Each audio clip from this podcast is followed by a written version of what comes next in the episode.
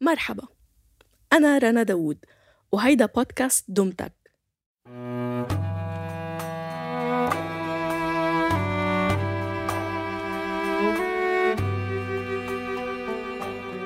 بتتذكروا بالحلقة الأولى لما حكينا كيف تملك الوليد بن طلال شركة روتانا؟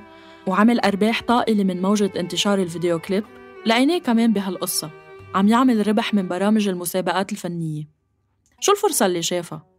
دفع 98 مليون دولار من شان حصة بقناة LBC تحديدا قبل بشوي من بداية برنامج ستار أكاديمي بس ليش؟ هلأ رح نحاول نعرف.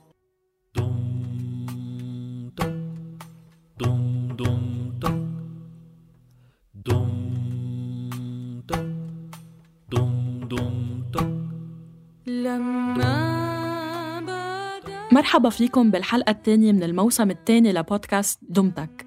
أنا رنا داوود وهالحلقة كتبتها لما رباح. بهالموسم منستعرض أنواع موسيقى مثل البوب والروك والراي ومنروي قصص عن وجودها بالوطن العربي وعن الفنانين اللي تبنوها من منطقتنا. بالحلقة الأولى حكينا عن صناعة الفيديو كليب العربي وتحديداً بعد سنة الألفين. الفترة اللي كمان ظهرت فيها برامج المواهب والهواة العربية اللي بلشت تغير شكل المشهد الفني. ما تخافوا هيدول طلاب ستار أكاديمي عم يدخلوا مبنى الأكاديمية للمرة الأولى. هون لما شافوا المطبخ.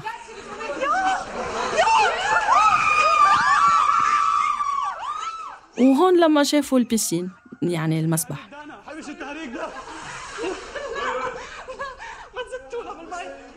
ورغم إنه هاللحظة تاريخية بالنسبة للمشاركين من وقت ما بلش برنامج ستار أكاديمي سنة 2003 حضروا المشاهدين العرب هاللحظة 11 مرة ب 11 موسم مختلفين وتعرفوا على عشرات الشباب اللي عم يحلموا بالنجومية.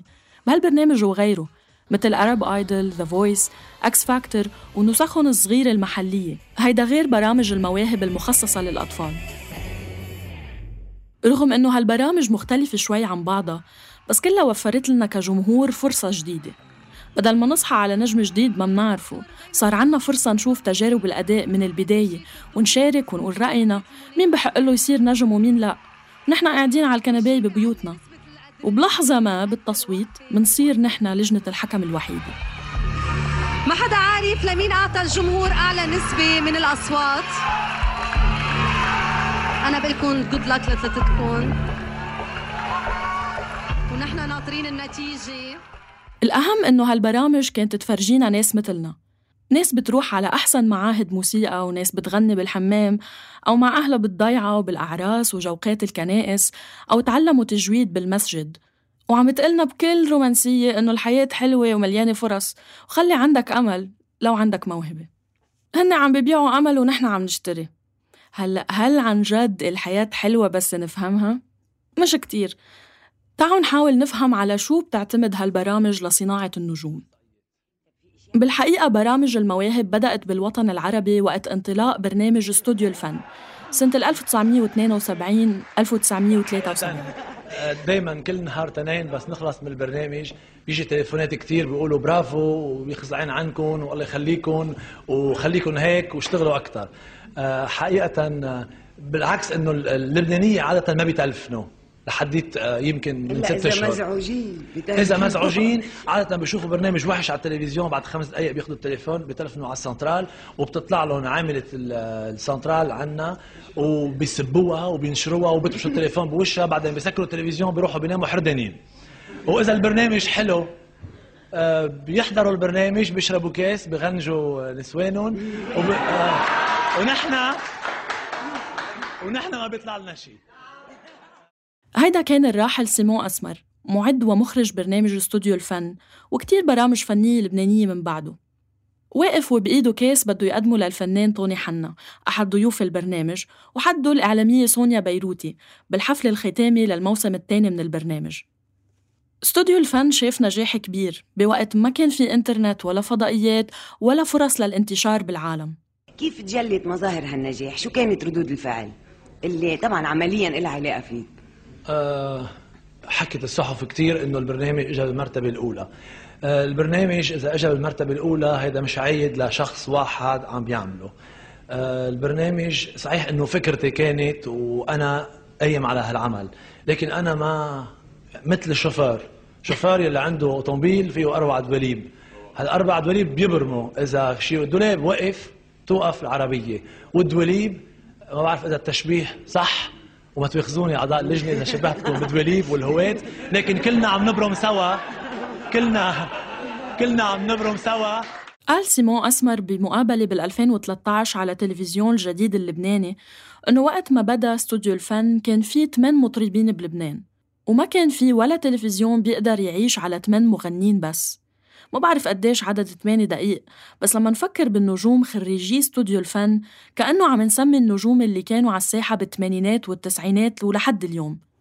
وليد توفيق راغب علامة نوال الزغبي عاصي الحلاني وائل كفوري إليسا رامي عياش فارس كرم ميريام فارس وماجد الرومي الفائزة بالموسم الثاني سنة 1974 أخيرا ماجدة الرومي الطارئة عن البقاع تستلم كأسها من عفاف داغر.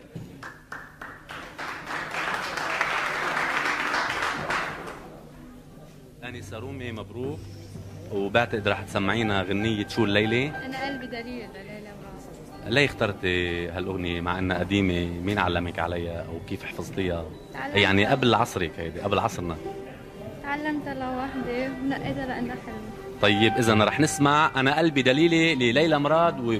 ورح تغنيها مجدة الرومي.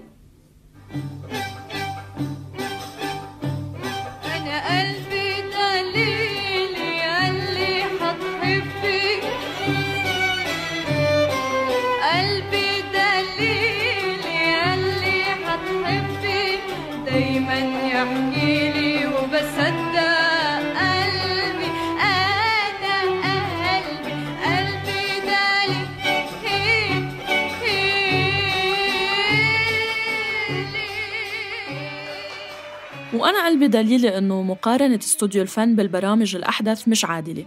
يعني صحيح ما كان الانتشار سهل بالسبعينات مثل هلأ بس كان في استعداد للإنتاج لهالفنانين. كان في عطش لمواهب جديدة وكانت لجنة التحكيم مكونة من مختصين وأكاديميين بمجال الموسيقى. مش عارفة إيه إلهي فيكم.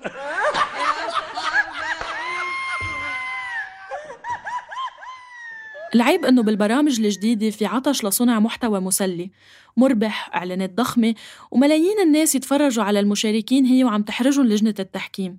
ويضحك الجمهور ويقولوا خي منيح اللي مش نحن اللي على الكاميرا عم نتهزق هيك. لا لا لا تشكي فيي. أنت النور بعيني. أنت أجمل غنية عالبال من غيرك يا عنوني كملوا اللي بشرفك بلوبة تقطعنا تبقى هيك طيب غيرة؟ غيرة خيي بس ما تقطعنا. وكمان هالبرامج عم تقدم محتوى مثير بخلي الجمهور يتفرج على ناس موهوبين صغار بالعمر وسيمين أنيقين عم يحققوا حلم الشهرة والشباب والأموال بمسرح ضخم وتمويل ضخم. يعني عم نحكي عن قيم مختلفة تماماً عن كيف الناس كانت تفكر بالسبعينات. وقنوات التلفزيون مش مضطرين يدفعوا للآلاف اللي بيشاركوا بتجارب الأداء ولا شيء لأنه الناس عاديين مش مشاهير.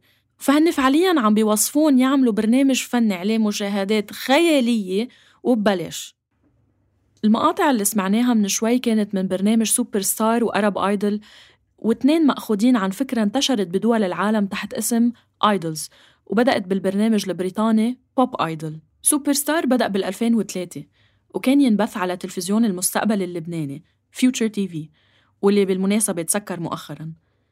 بالموسم الأول كانت أرباح البرنامج من تصويت الجمهور فقط حوالي 4 مليون دولار.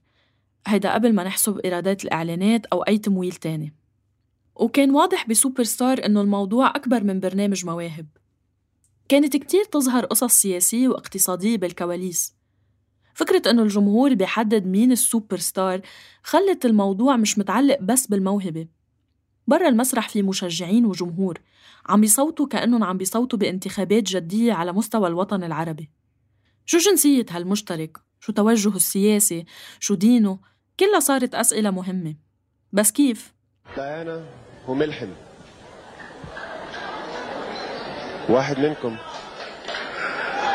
الأسبوع الجاي حيتنقل مع رويدا وحينافسوا على لقب سوبر ستار للأسف التاني هيضطر يغادرنا. دانا الأسبوع ده جالك اصوات كتير. ملحم. بهاي الحلقة من الموسم الأول بسوبر ستار طلع ملحم زين المشترك اللبناني من المنافسة وبقيت السورية رويدة عطية والأردنية ديانا كرزون. واضح من المقطع أنه الجمهور ما كان سعيد بهالنتيجة. هيداك اليوم كان في بلبنان غارة إسرائيلية وهمية. وكل نهار كان في انقطاع كهرباء ببيروت ودرجة الحرارة 36 بس الجرايد كتبت بوقتها لم يكن الشعب اللبناني مفجوعا لا من هذه ولا من تلك بل فجع بخسارة سوبر ستار العرب. في مصادر بتقول إنه 150 محتاج راحوا ليلتها على مبنى تلفزيون المستقبل. بلشوا يرموا كراسي يمين وشمال هن وعم يهتفوا بالروح بالدم نفديك يا ملحم. وطلعوا على الشوارع يتظاهروا. وبهالوقت رويدا وديانا كانوا على الأرض مغمى عليهم. فازت ديانا كرزون اللي كان عمرها 19 سنة بالموسم الأول.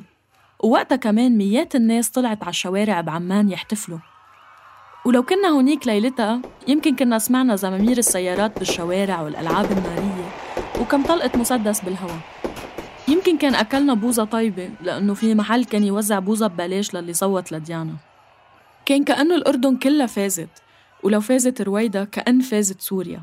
واللي تعلقت بشوارعها بوسترات بتقول صوتوا لرويدا عطية أعطوا صوتكن لسوريا. حسب البيانات اللي نشرتها القناة 97% من الأصوات من سوريا كانوا لرويدا ونسب عالية كتير مشابهة من الأردن لديانا ومن لبنان لملحم. هالحماس بيشبه حماس مشجعي الأحزاب السياسية وفرق ال football. أنتوا النهارده أنتوا الاثنين هتتخرجوا من سوبر ستار بس واحد منكم هيتخرج بتاج سوبر ستار هلا جنب إبراهيم الحكمي كانت واقفة شهد برمدا متوترة عم تستنى النتيجة. صبية سورية كان يدوب عمرها 18 سنة. كمان وقتها السوريين زعلوا أنها خسرت بس لأسباب مختلفة. سوبر ستار العرب. سنة 2006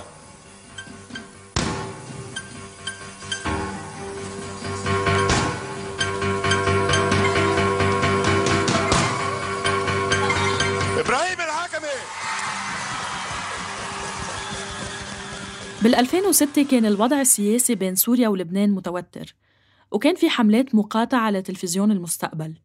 وحسب الإعلام السوري هالتلفزيون كان عم بيخوض حرب إعلامية ضد سوريا.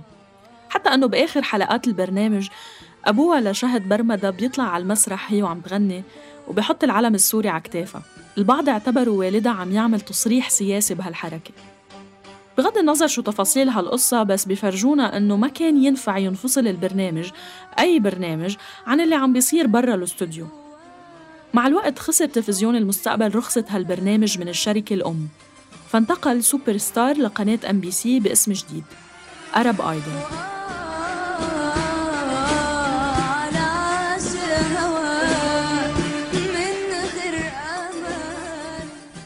كان في قصص مثل هاي بأرب آيدل مثل فوز محمد عساف صاحب الموهبة من غزة اللي عشوي ما قدر يفوت على البرنامج وبالآخر ربح ورجع على فلسطين مثل كأنه بطل لأنه على الكوفية ولولح فيها. علي الكوفية علي ولولح فيها. عتابة وبالموسم الرابع ربح يعقوب شاهين من بيت لحم. الفلسطينيين كلهم صوتوا له واحتفلوا فيه بالشوارع والميادين طبعا. بس اللي كان سبب رئيسي لفوزه هو معجبينه بالخارج تحديدا بالسويد. ليش؟ بيقول مدير حملته مروان سقا إنه في مجتمع كبير للطائفة السريانية بالسويد اللي يعقوب شاهين من أبنائها فعملوا له معجبينه حساب على باي بال وقدروا يجمعوا له 35 ألف دولار مشان يصوتوا له ويفوز بالمسابقة.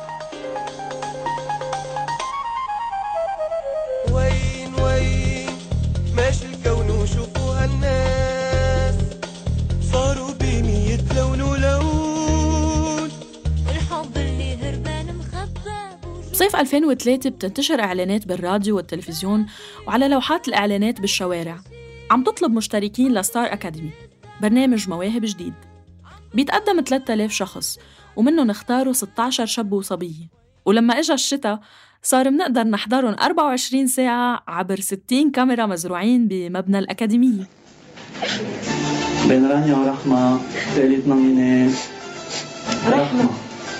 فيك ترتاحي؟ رانيا شو كنا نتوتر يوم الثلاثاء لما يعلنوا أسماء ال nominees؟ واللي يقضي ساعات يحضرهم يوم التنين هن وعم يقدموا ال évaluation. غير إنه كنا نحضر ال prime وحصة ال vocalise والمسرح والرياضة. بس أهم شي الدراما القصص. كنا نعرف مين يتخانق مع مين ومين غيران ومين عشقان وشاهد فضائح ستار أكاديمي قبل الحذف.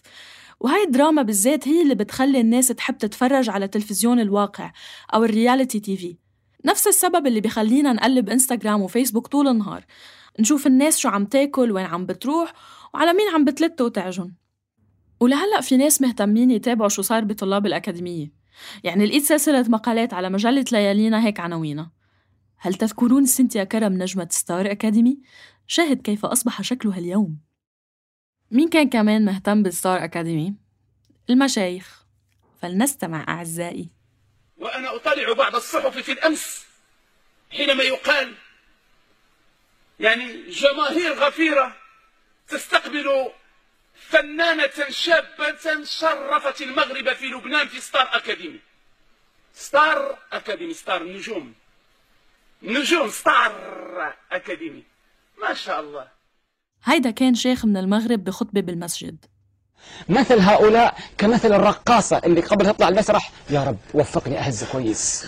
يا رب أسألك أن أؤدي واجبي وإتقاني في العمل. بعدين راحت الحج ورجعت ورقصت. فلما رقصت شو قال الحشاشة؟ متعينا يا حقة هذه الأجواء هي أجواء ستار أكاديمي. وهيدا محمد العوضي. ومحمد العريفي كمان علق على الموضوع مثلهم. بس رغم انتقاد هالشيوخ للبرنامج ومقالات تانية وحملات بتطالب بإيقافه استمر ل 11 موسم وتوقف ستار أكاديمي أخيراً بال 2016 بعد ما فقد مشاهدينه شوي شوي. النهارده ما فيش اكاديميه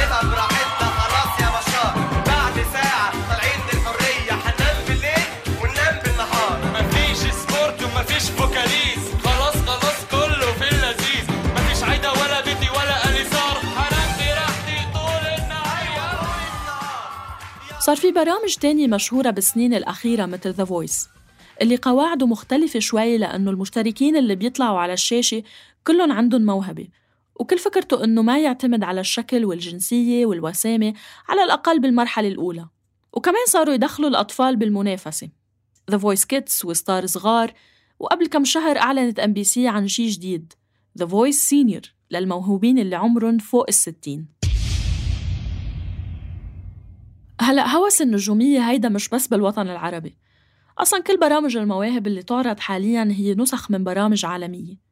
بتحس إنه كل سكان العالم حلمهم يصيروا أثرياء ومشاهير مثل مقدمي هالبرامج. أحمد أحمد كيفك؟ كنا شو عندك أعمال جديدة؟ أه بحضر دلوقتي المسلسل رمضان اسمه الأعلى ساعة وبصور فيلم أه اسمه الستة في الأرشيف. أو مثل أعضاء لجان التحكيم. يعني وائل كفوري مثلا اللي كان هاوي باستوديو الفن قيمة عقده بال 2014 كانت 1.2 مليون دولار كعضو لجنة تحكيم بأرب آيدل. وأحلام بتقدر تجي على الحفلات بفستان حقه مليون وثلاثمية ألف دولار على ذمة مجلة زهرة الخليج.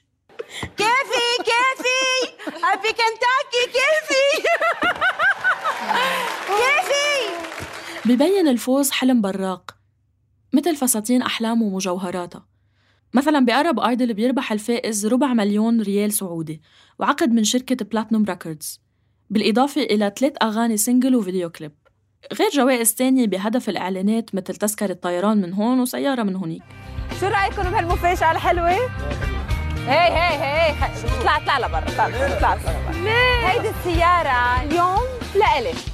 فمشان هيك لازم تتحمسوا أكثر وتشتغلوا على حالكم أكثر وأكثر وأكثر لحتى تربحوا لقب Arab Idol وتربحوا سيارة Camaro ZL1 من Chevrolet مقابل كل هيدا شركة Platinum Records مثلا بتاخد حوالي 40% من أرباح حفلات وأعمال فنانيها حتى لو ما كانت الحفلات إجت عن طريقها. وفي كتير علامات استفهام حول عقود الاحتكار والتزامات المشتركين تجاه القناة. بس الأهم إنه اللي اشترك بالبرنامج لأنه أهل ضيعته شجعوه وكان يفرح قلبهم بالحفلات وكان يخربش كلمات أغاني على دفتره. هلأ بسرعة خيالية بكم شهر صار مشهور. نجم نجوم العرب بيستقبلوه بالمطارات وبيغني مشان يحقق أرباح وبيروح مطرح ما بيودوها المنتجين وبيشرب بيبسي وبيبيع خدمات لشركات الاتصالات وبيوزع شوكولاتة وبطعمينة وزع شوكولاتة وطعمينة. وزع شوكولاتة وطعمينة. وزع شوكولاتة وطعمينة. وزع شوكولاتة وطعمينة. ما صارت معجزة تطور موهبة هالمشتركين بهالسرعة ولا عرفوا يقرروا شو هويتهم كفنانين وما تغير شيء إلا هالجائزة والعقود. وهذا يمكن سبب اختفاء معظمهم عن الساحة الفنية بعد أغنية أو اثنين أو ولا أغنية.